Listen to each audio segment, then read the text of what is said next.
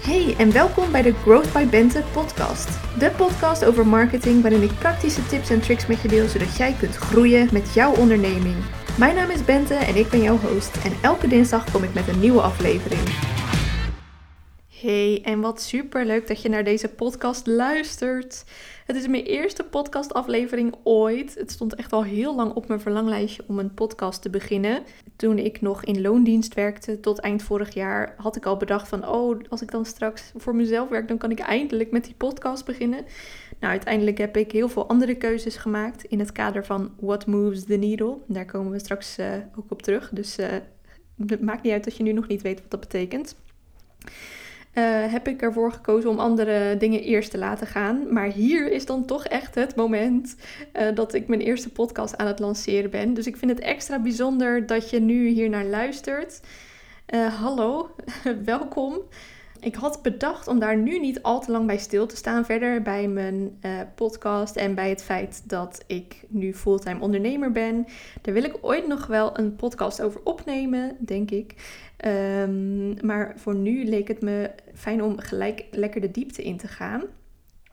Zodat ik, uh, ja, zodat jij gelijk hooked bent, hopelijk. En helemaal onder de indruk van alle kennis die ik ga delen.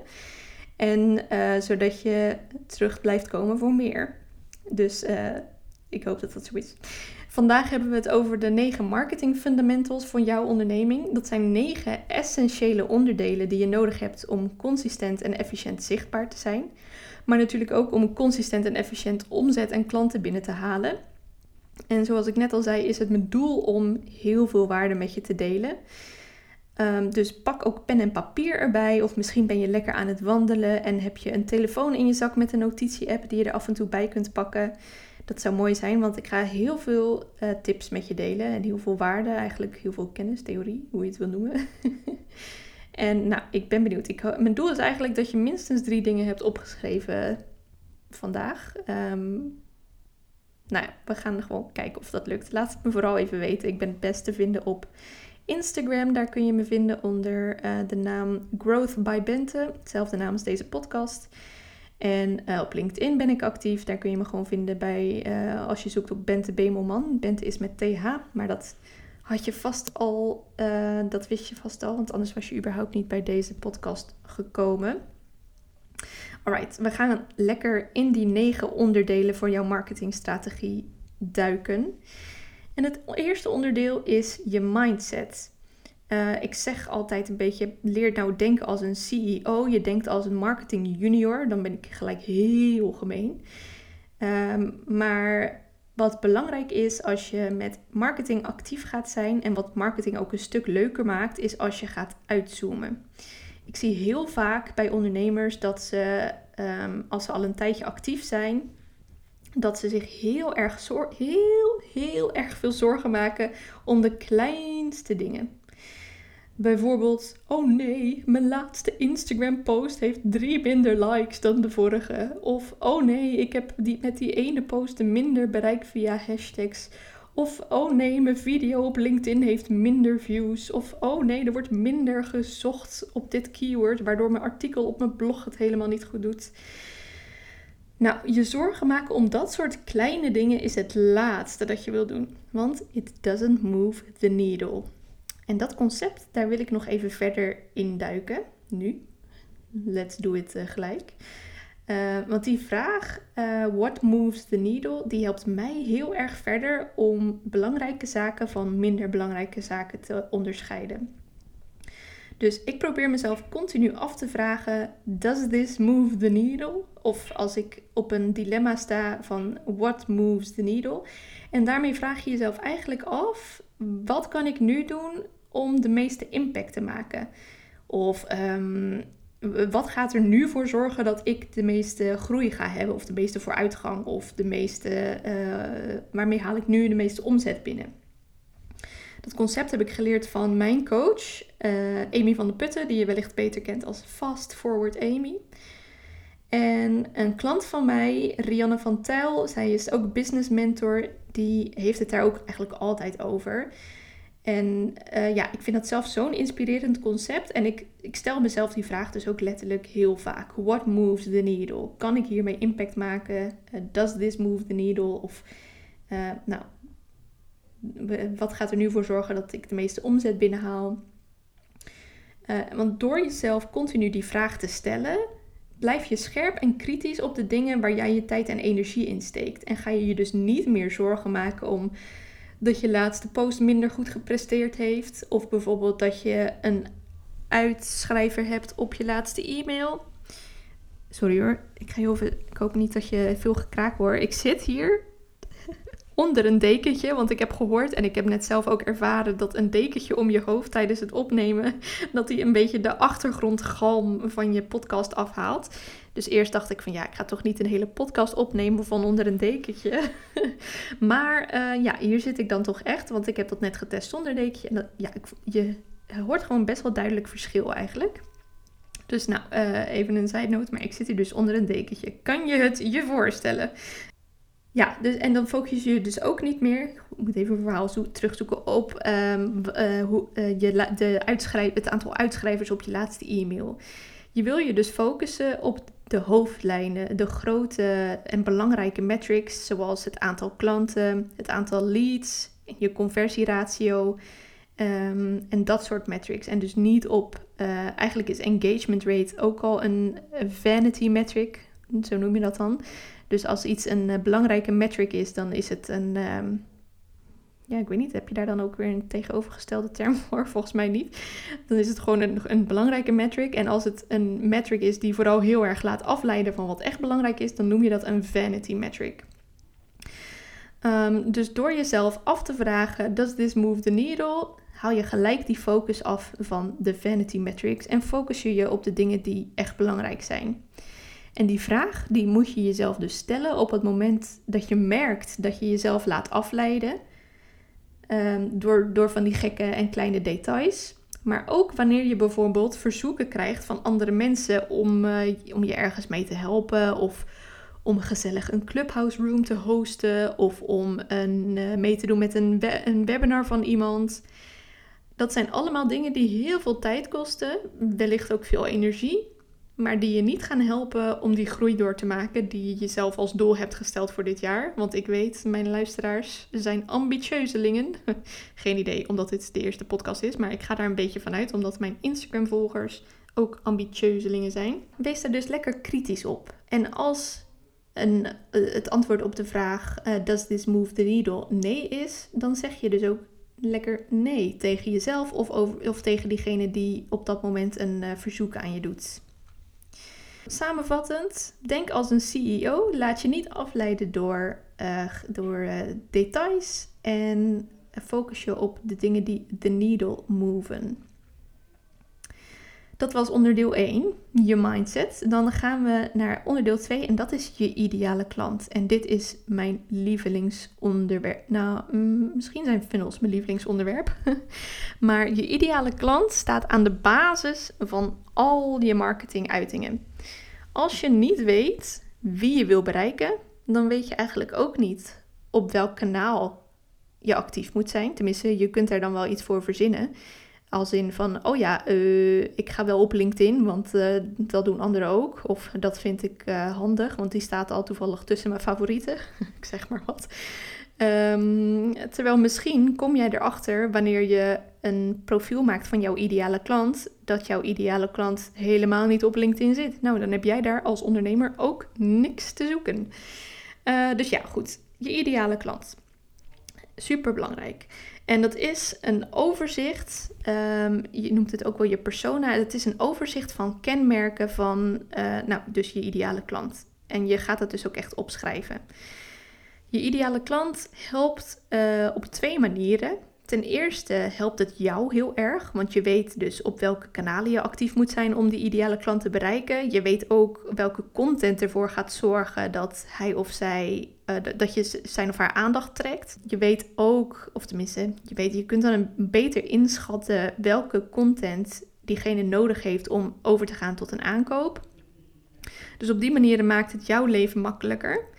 En aan de andere kant gaat het er ook voor zorgen dat jouw ideale klant zich persoonlijk aangesproken voelt. We zitten in een wereld van enorme content overload.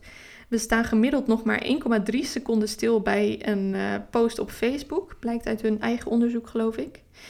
En uh, we scrollen elke dag bijna 100 meter. Dus uh, nou ja, je kan jezelf voorstellen met wat voor snelheid dat gaat. Als je dus maar gemiddeld 1,3 seconden stilstaat bij een post. En het is dus aan jou de taak om ervoor te zorgen dat jij uh, de aandacht trekt van je ideale klant. En als je dus een heel goed beeld hebt van wie dat is, dan weet je ook, um, of tenminste dan kun je heel goed inschatten wat er nou voor gaat zorgen dat hij of zij stopt met scrollen. En dat zit hem dan in de informatie die je deelt, maar ook in de uh, kleuren bijvoorbeeld die je gebruikt en in um, de vorm die je gebruikt en natuurlijk in eerste instantie in het kanaal waar je hem of haar tegenkomt. Nou, een persona maken dat uh, is eigenlijk heel makkelijk.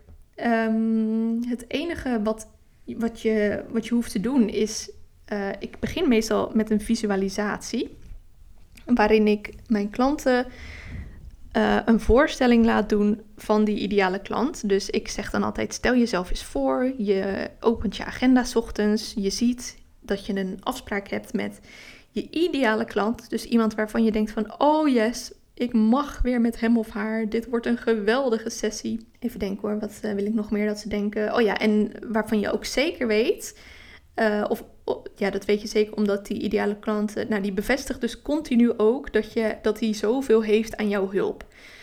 Dus uh, jij wordt heel erg blij van de ideale klant omdat het gewoon een leuke sessie altijd wordt. Maar ook omdat je weet dat je ideale klant heel erg door jouw hulp geholpen is. Omdat die ideale klant dat continu noemt.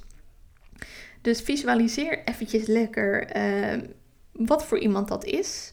Wellicht kun je een combinatie maken, bijvoorbeeld van uh, oude klanten die je al eens uh, geholpen hebt.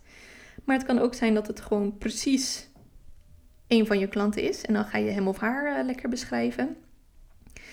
En wat ik dan meestal doe om tot een zo scherp mogelijk beeld te komen van die ideale klant, is 100.000 vragen stellen. Dat ga ik nu niet allemaal noemen in deze podcast, maar ik ga wel een, een beetje hoog over uh, de categorieën bespreken waarvan ik dan wil dat mijn klanten die gaan uh, beschrijven van die ideale klant. Dus bijvoorbeeld het professioneel profiel. Hoe ziet, uh, nou ja, wat is de werkervaring van die, idea van die klant, van de ideale klant? Hoe lang heeft hij of zij die werkervaring, of hoe lang heeft ze die ervaring al? Nee, hoe lang heeft, hoeveel werkervaring, hoe lang? god, nou, je snapt wat ik bedoel. Hoeveel werkervaring heeft diegene? Wat voor functie bekleedt hij of zij? In wat voor bedrijf? In wat voor branche? Um, gaat hij of zij met plezier naar zijn werk of juist niet? Op zoek naar iets anders? Wil hij of zij liever ondernemer zijn? Nou, het professioneel profiel. Dus hoe ziet het werkleven van diegene eruit?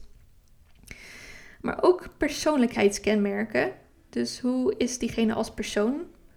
Hoe zou je zijn persoonlijkheid omschrijven, zijn of haar persoonlijkheid? Wat zijn de dromen en doelen van je ideale klant? Waar wil hij of zij heen in het leven? Uh, waar loopt hij of zij dan tegenaan in het behalen van die doelen? Dus waarom heeft hij of zij die doelen nog niet bereikt? En nogmaals, jij wil dan zeg maar de grote support zijn, zodat die doelen wel bereikt kunnen worden. Uh, welke pijnen voelt je klant daarbij? Voelt hij zich machteloos, hulpeloos, onsuccesvol, ongelukkig? Al dat soort ellende. Welk gedrag karakteriseert je ideale klant? Dus wat doet hij in plaats van de dingen die jij hem of haar gaat leren, zodat hij of zij wel die doelen gaat bereiken? Dus wat zorgt ervoor? Welk gedrag vertoont hij zodat hij of zij die doelen nu niet bereikt? Um, welke media gebruikt je ideale klant? Dus dit is eventjes iets heel anders. Uh, welke Netflix-series kijkt hij bijvoorbeeld? Of kijkt hij überhaupt Netflix? Welke kanalen gebruikt hij? Online bijvoorbeeld. Denk hierbij aan social kanalen, maar ook aan websites die hij vaak bezoekt. Marketingblogs of Dumpert of dat soort platformen en dus sociale kanalen. En denk daarbij ook na bijvoorbeeld welke podcasts hij of zij luistert. Wie weet kun je daar ooit nog eens mee samenwerken of geïnterviewd worden, zodat je ideale klant je daar tegenkomt. Daar hebben we het straks over. Maar dat zijn dus allemaal dingen die je in kaart wil brengen. En dat kan dus door jezelf in te leven in die ideale klant. Dat kan door een onderzoek te doen. Dat kan door demografische gegevens te, te lezen. Bijvoorbeeld Nieuwkom die maakt elk jaar een, uh, doet elk jaar een onderzoek naar de veranderingen zeg maar, in social media gebruik. En daar in dat onderzoek wordt dan ook altijd informatie gegeven over in welke leeftijdsgroepen welke social platformen het meest uh, gebruikt worden. Dus dat soort demografische gegevens kunnen ook heel erg helpen om uh, dat beeld van je ideale klant nog wat scherper te maken. En als laatste, uh, nou nee, als ene laatste, op welk punt staat je ideale klant nu en waar wil hij of zij naartoe? En jij gaat hem of haar dan natuurlijk helpen om naar dat uh, punt te gaan. Zo van, hey, spring maar in mijn auto, we gaan samen van A naar B. En als laatste geef ik dan ook altijd die persona een naam. En het idee van dat als laatste doen is dat heel veel ondernemers, want vaak als je leest over het maken van een persona, dan begint de, beginnen de vragen meestal met demografische gegevens, zoals uh, geef het een naam, hoe oud is hij of zij, waar woont hij. Terwijl als je daarmee begint, dat is zo'n algemene vraag, en als je daarmee begint, dan kun je daar heel snel al op stuiteren. Uh, als in uh, zo van, ik loop vast, geen idee. Op blokkeren bedoel ik eigenlijk, niet stuiteren. En het idee van dit is als laatste doen is, nu heb je eigenlijk al een scherp beeld. En dan hoef je alleen nog maar een naam te kiezen om, uh, die daar goed bij past. En die naam maakt helemaal niet, die doesn't move the needle, zeg maar. Dus ik zeg meestal, kies de eerste naam die in je opkomt. Want het maakt verder niet uit hoe die heet, maar het is wel handig om het een naam te geven. Want dan kun je je in de toekomst afvragen, als je een post maakt of een podcast opneemt, van hoe zou puntje puntje dit vinden? Heeft puntje puntje hier iets aan? Dus dat doe je als laatste, nog wat demografische gegevens. En je wil dat dat beeld zo specifiek mogelijk is. Uh, dus zo specifiek als het moet, zo algemeen als het kan. Je wil uh, zo specifiek mogelijk omschrijven, zodat je echt een helder beeld hebt van een persoon. Dus niet uh, hij is uh, tussen de 35 en 45 jaar oud. En het kan zowel een man als een vrouw zijn, maar je wilt het echt specifieker, zodat je echt een persoon zeg maar in je hoofd ervan maakt. want anders dan lukt het je veel minder om content te maken, bijvoorbeeld voor diegene. Dan uh, heb je een te wijde range in je persona. En dan kun je. Um, dan, dan stel je jezelf bijvoorbeeld de vraag: vindt hij dit interessant? En dan zeg je nou, Pietje A misschien niet van uh, eh, 45, maar Pietje B van 35, die vindt het wel leuk. Daar heb je dus niks aan. Dan weet je zeg maar nog niks. Dus maak het zo specifiek mogelijk. Hoe specifieker het beeld van jouw ideale klant, hoe beter het je lukt om hem of haar aan te trekken. En dit onderdeel je persona is het allerbelangrijkste van je hele marketingstrategie. Als je deze hebt en je hebt hem helder voor je, je hebt een helder beeld, dan lukt het je heel makkelijk om content te bedenken. Dan lukt het je heel makkelijk om keuzes te maken in de uh, kanalen waarop je actief bent. Dus dit is echt een, uh, nou, het allerbelangrijkste onderdeel. Als je deze hebt, is het halve werk gedaan. Het derde essentiële onderdeel van je marketingstrategie is je personal brand. En die heb je nodig omdat je personal brand ervoor gaat zorgen dat mensen jou gaan kiezen en niet je concurrent. We leven in een aardig verzadigde markt, dus alles is ooit al wel eens gedaan. Maar wat gaat er nou voor zorgen dat klanten voor jou gaan kiezen in plaats van voor Jan Pieter, die vorig jaar al hetzelfde aanbod uh, publiceerde? Ik zeg maar wat. Je personal brand geeft antwoord op die vraag. Je wil eigenlijk dat jouw ideale klant super enthousiast wordt om met jou te werken. En hoe doe je dat? Daar gaat dit onderwerpje over. Je hebt dus een heel scherp beeld nu van je ideale klant en je wil dat het beeld van jezelf dat je naar buiten wil brengen, dat dat net zo scherp en specifiek is. En je personal brand bestaat uit zowel onzichtbare als zichtbare elementen. En je begint eigenlijk altijd bij de onzichtbare elementen, omdat de zichtbare elementen daar dan weer op voortbouwen. Dus die, de onzichtbare elementen zijn het fundament. En de zichtbare elementen zijn wat de buitenwereld ziet. Je kunt het een beetje zien als een ijsberg. Dus je ziet altijd het topje van de ijsberg. Maar wat onder water zit is huge. En dat zijn de onzichtbare elementen. En dat zijn bijvoorbeeld je missie en je visie. Dus waarom eh, je why bijvoorbeeld. Waarom ben je begonnen met ondernemen? Uh, hoe zie je de wereld uh, voor je? Wat, welke kant wil jij op? Welke kant wil je dat de wereld op gaat?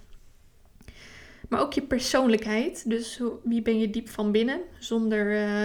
ik moet ineens denken aan, die, aan Shrek, de film. Waarbij die. Um, ik weet niet wie het nou aan wie aan het uitleggen is. Volgens mij legt Shrek het aan Donkey uit. Dat je. Ja, ja, inderdaad ik heb het weer. Want uh, hij vertelt dan, ogers zijn als uien en die hebben wel een kern of zo, maar je moet alle lagen van die ui eerst afpellen, wil je bij die kern komen. Dus, nou, klein zijstapje, maar wat is je persoonlijkheid? Uh, je kernwaarden horen daar ook bij. Je expertise. Nou, dat zijn, uh, dat zijn de elementen van je personal brand. En deze elementen zijn dus vooral belangrijk voor dat fundament. En als je deze hebt, dan kun je jouw boodschap beter en consistenter uitdragen. En hoe draag je dat dan uit? Nou, dat doe je in de zichtbare elementen. En dat zijn bijvoorbeeld de bio's. Je bio's die je op eh, alle social kanalen hebt staan: Instagram, LinkedIn, Clubhouse, Twitter. Je website, die is ook heel zichtbaar natuurlijk. Je content, je lichaamstaal, dus als mensen je op video zien. Je, je tone of voice, dus hoe je spreekt maar ook bijvoorbeeld de kleuren die je gebruikt. En die zichtbare elementen, die gaan er weer voor zorgen dat mensen je herkennen. En uh, dat je ideale klant voor jou gaat kiezen. Ik had even een twijfelmomentje omdat ik buiten een hond hoorde. En ik vroeg me af, horen jullie dat ook? Nou, anyway, het is de hond van de buren. Goed, je personal brand. Maak jezelf onderscheidend. Niemand is jou. En daar, dat is eigenlijk ook de reden waarom je altijd als uh, ondernemer die een dienst aanbiedt of een cursus, waarom je altijd jezelf ook zichtbaar wil maken. Mensen willen niet iets leren van een logootje, maar die willen iets leren van een persoon. Alright. De customer journey is het vierde onderdeel. Je weet nu wie je ideale klant is. En dan kun je gaan inleven in hoe die klantreis van hem of haar eruit gaat zien. Want voordat je ideale klant klaar is voor een conversie, heeft hij heel veel touchpoints nodig. En een touchpoint, touchpoint is een contactmomentje. Dat hoeft geen direct contact te zijn, maar bijvoorbeeld um, dat je ideale klant een post van jou tegenkomt. Of dat jullie even via de DM eh, contacten. Dan heb je dus wel direct contact. Maar ook uh, een LinkedIn post of een video op YouTube. Uh, of een podcast. Dat is ook een touchpoint. Ja, en dat, dat ranged zeg maar van 1 tot meer dan 500 touchpoints die er nodig zijn voordat je een ideale klant klaar is om een product te kopen. Hoe goedkoper het product en hoe makkelijker het product te begrijpen is, hoe minder touchpoints er nodig zijn. Dus je, je herkent misschien wel dat als je op Instagram uh, stories aan het bekijken bent en je ziet een reclame voorbij komen van een merk met prachtige zonnebrillen van uh, nou, 15 euro bijvoorbeeld, dan hoef je daar echt niet uh, eh, 500 keer over na te denken voordat je besluit die ga ik eens bestellen. Terwijl als je een traject gaat kopen van 2000 euro, dat doe je niet op basis van één Instagram advertentie. Dus hoe complexer en duurder het product, hoe meer touchpoints er nodig zijn. En ehm, al die touchpoints die kun je gaan gieten in een soort trechter of een funnel. En die funnel bestaat dan weer uit verschillende fases. En per fase heb je dus uh, een aantal touchpoints. En in de eerste fase is het belangrijk dat je ideale klant jou ergens tegenkomt. Dus daar hebben we het net al heel kort over gehad. Dus waar gaat je klant jou tegenkomen? Is dat bijvoorbeeld via social media? Dat iemand een post van jou deelt en dat je ideale klant dat dan toevallig ziet en denkt: hey, dit is tof, die ga ik volgen. Maar dat kan natuurlijk ook met een advertentie, dus je, dat kan organisch of betaald. Maar ook bijvoorbeeld op Google kan het organisch of betaald. En het fijne van Google, uh, of tenminste het fijne, er zit een verschil tussen. Op Google doe je eigenlijk een beetje aan inbound marketing. Dus dan zijn mensen al op zoek naar informatie en dan komen ze jou tegen. En op social media zijn ze vaak niet of gericht op zoek naar iets. Dus dan komen ze gewoon per toeval jou tegen en uh, denken ze heel leuk. Dus dat is de eerste fase, jou ergens tegenkomen. Deze fase noemen we ook wel awareness. Vervolgens wil je dat jouw ideale klant helemaal onder de indruk raakt van wie je bent en wat je doet en wat je kunt. En je wil dus zo snel mogelijk vanaf dat eerste contact gaan toewerken naar een wow-moment. Dat wow-moment komen we straks ook nog op terug. Maar dat is het moment waarop je ideale klant geactiveerd raakt. En waarop je ideale klant denkt van... hé, hey, maar dit is echt heel cool. Of wat een super gaaf persoon. Hier uh, wil ik ooit iets mee. Dus dat is het wow-moment. En na het wow-moment heb je, heb je weer een fase waarvan je iemand van het wow-moment gaat uh, sturen naar zijn of haar eerste conversie.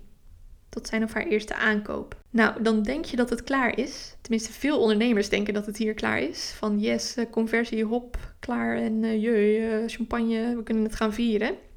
Maar eigenlijk begint hier de, het plezier pas. The party is only getting started.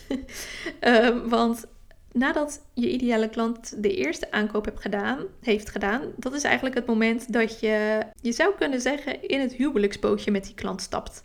Dus dat is het moment waarbij er een eerste succes is uh, behaald, of mm, ja, misschien uh, zijn de geloftes zeg maar naar elkaar uitgesproken.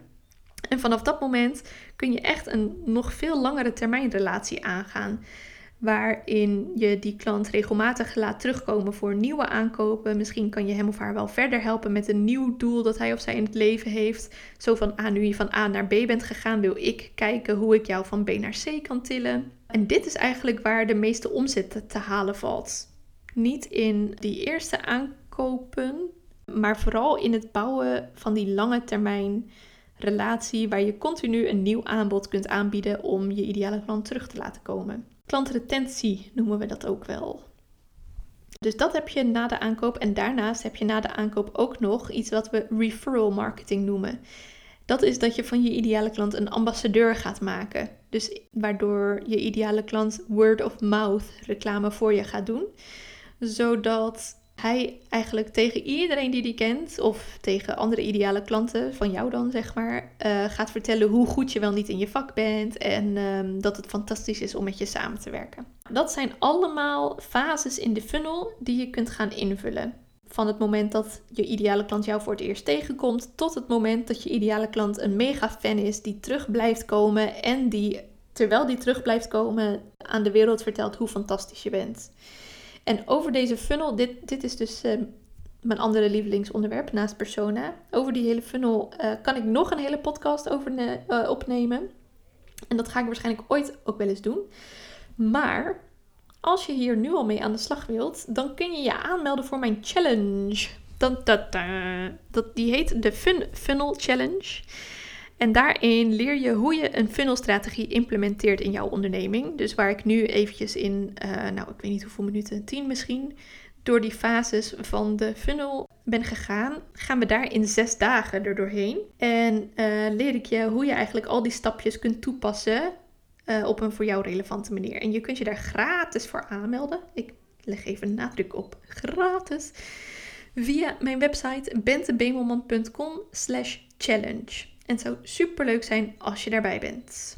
Als je nu dus dat heldere beeld hebt van je ideale klant en je hebt die klantreis helemaal ingevuld, die, die funnels, wellicht uh, lukt dat nu nog niet, maar natuurlijk wel na de challenge, dan weet je ook op welke kanalen je die ideale klant gaat tegenkomen. Dus die eerste fase, de awareness fase, waar jouw ideale klant jou voor het eerst gaat tegenkomen, hier bepaal je op welke kanalen dat gaat zijn, in combinatie met de kanalen waarop jouw ideale klant actief is. En je wil niet actief zijn op alle kanalen, want om het je wil, je het jezelf wel makkelijk maken en daarom wil je in eerste instantie kiezen voor één tot twee kanalen misschien waar je consistent op aanwezig kunt zijn. Consistentie is belangrijker dan dat je op alle kanalen aanwezig bent. En om je kanaal te kiezen kun je drie criteria gebruiken. Ten eerste wil je je, het belangrijkste eigenlijk wat je jezelf wil afvragen is, is mijn ideale klant er aanwezig? Je ideale klant kiest het kanaal, dus jij kan TikTok wel ontzettend leuk vinden, maar als je ideale klant boven de 30 is, dan is hij daar echt niet te vinden. Kan ik je alvast vertellen. Misschien volgend jaar trouwens wel hoor, maar nu in ieder geval nog niet. Is het kanaal ook geschikt om nieuwe mensen te bereiken? Dus kun je alleen in je huidige netwerk mensen bereiken? Of zijn er mogelijkheden om je netwerk te verbreden, eventueel met advertenties? Op Instagram is het bijvoorbeeld best lastig om organisch nieuwe mensen te bereiken. Dat lukt wel als je de juiste hashtags gebruikt. Maar eh, met advertenties gaat het wel stukken sneller. En als derde criteria, criterium vind ik het type content dat bij dat kanaal past leuk om te maken. Het belangrijkste van marketing, en dat helpt ook heel erg bij uh, het authentieker maken, is uh, dat je het heel erg leuk vindt om te doen. Want als je het leuk vindt om content te maken voor dat kanaal, dan straalt dat er natuurlijk heel erg van af en dan kom jij ook het beste uit de verf. Dus de fun factor, het feit dat jij plezier hebt tijdens het maken van de content, die is ook heel belangrijk.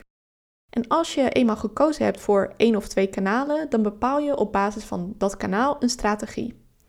Wat is bijvoorbeeld de belangrijkste soft conversie om je mensen op dat kanaal verder in je klantreis te krijgen? Hoe vaak ga je posten? Waarover ga je posten? In welke vorm? Wat worden je contentthema's? Hoe ga je nieuwe mensen bereiken? Doe je dat vooral organisch of ga je toch advertenties inzetten? En in die eerste fase, of die eerste fase van de funnel, die awareness fase, die maak je in dit stukje dus net wat specifieker en praktischer. De basis die je nu hebt neergezet met je persona, je personal brand, die moet naar buiten komen in consistente acties. En dat is wat je hier bepaalt. Dan gaan we door naar het volgende onderdeel. Dat is het wow-moment. Voordat je ideale klant zich inschrijft voor je traject, je online programma, je online cursus of welke andere dienstverlening je dan ook hebt, wil je dat hij of zij een wow-moment beleeft. We hebben het net gehad over het aantal touchpoints en dat uh, geldt hoe complexer en duurder het product, hoe meer touchpoints er nodig zijn. En dat geldt ook, uh, het wow-moment is eigenlijk wat je klant beleeft tijdens één van deze touchpoints.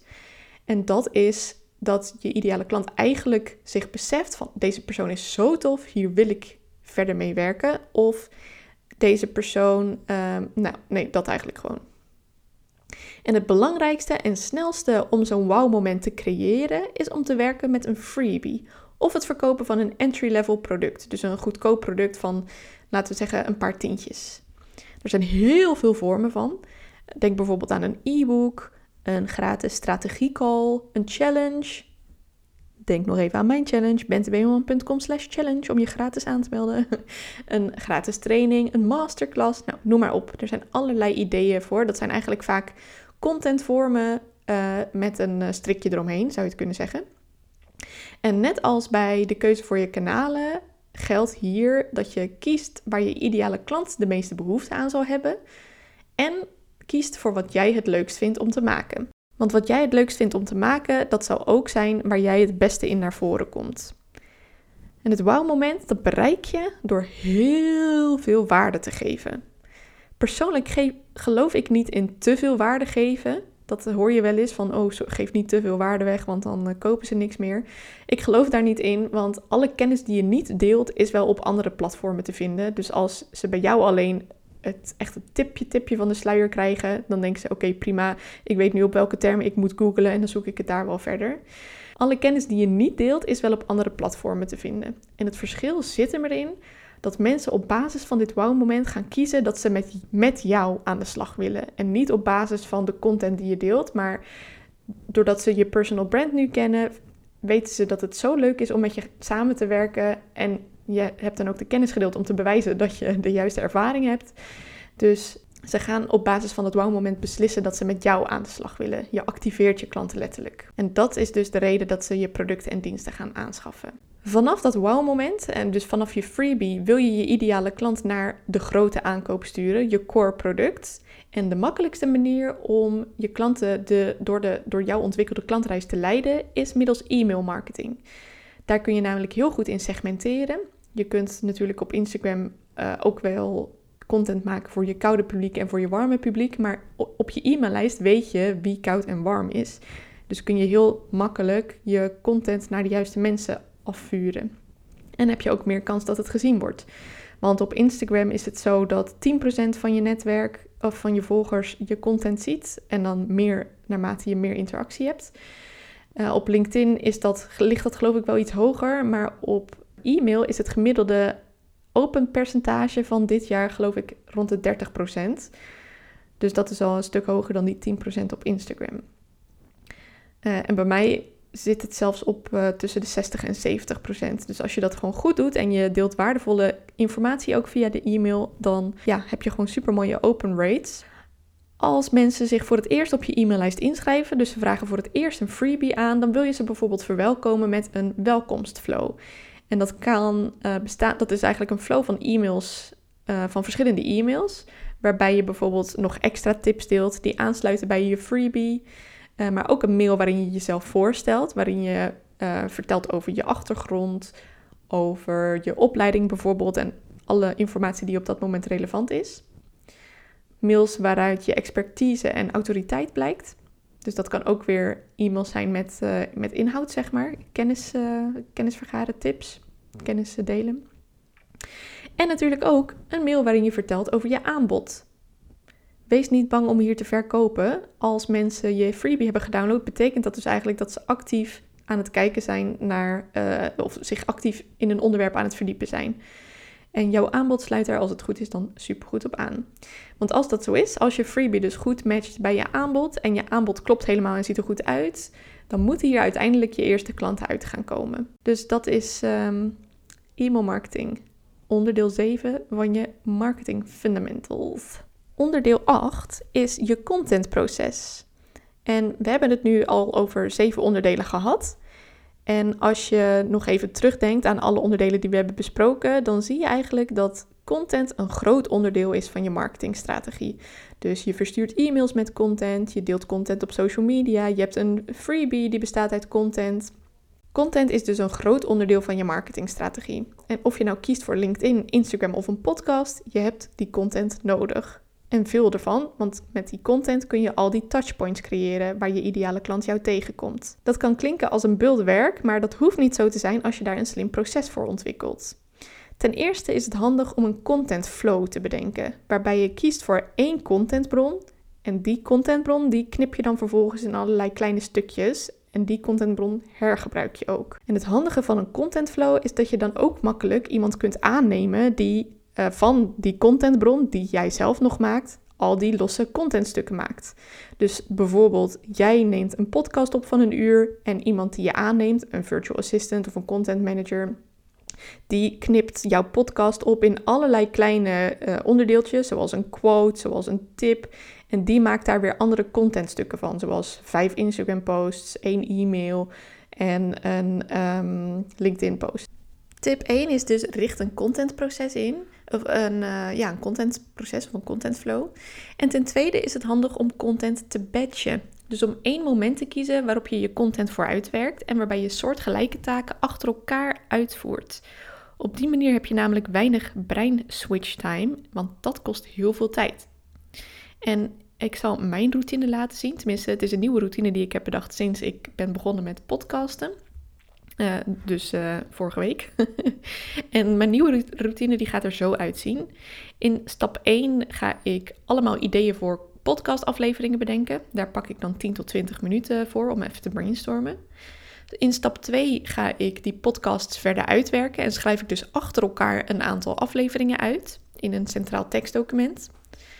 In stap 3 neem ik een aantal podcastafleveringen achter elkaar op en die plan ik dan ook gelijk in om, uh, zeg maar, voor publicatie.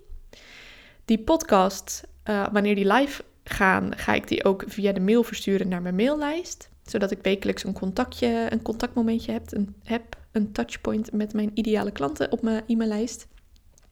Die teksten die, van de podcast die ik heb uitgeschreven, ga ik vervolgens omzetten in social posts. En daar probeer ik er dan uh, van, zeg maar, nou ja, laat ik zeven per week van te maken. En die zeven per week aan nieuwe posts, die vul ik dan nog aan met content die ik al eerder geplaatst heb en die ik kan hergebruiken.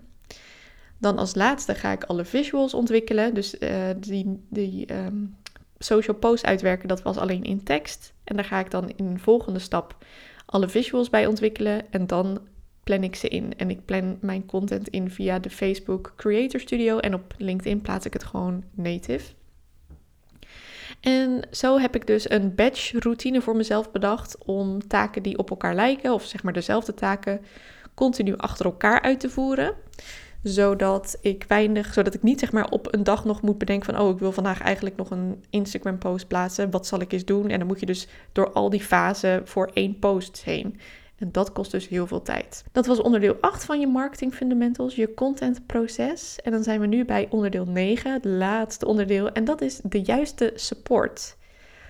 Als ondernemer is je tijd natuurlijk kostbaar, want je bent de CEO van je bedrijf. Dus je moet alle belangrijke beslissingen maken, maar je moet ook zorgen dat er genoeg geld op de plank komt. En je wil dus eigenlijk niet te lang blijven hangen in uh, dingen waar je onzeker over bent, dingen waar je niet genoeg kennis over hebt. En wil je dus om hulp vragen. Dus als je nu zoiets hebt van, oh, al die onderdelen, ik heb daar echt support bij nodig, weet mij dan te vinden op Instagram en LinkedIn.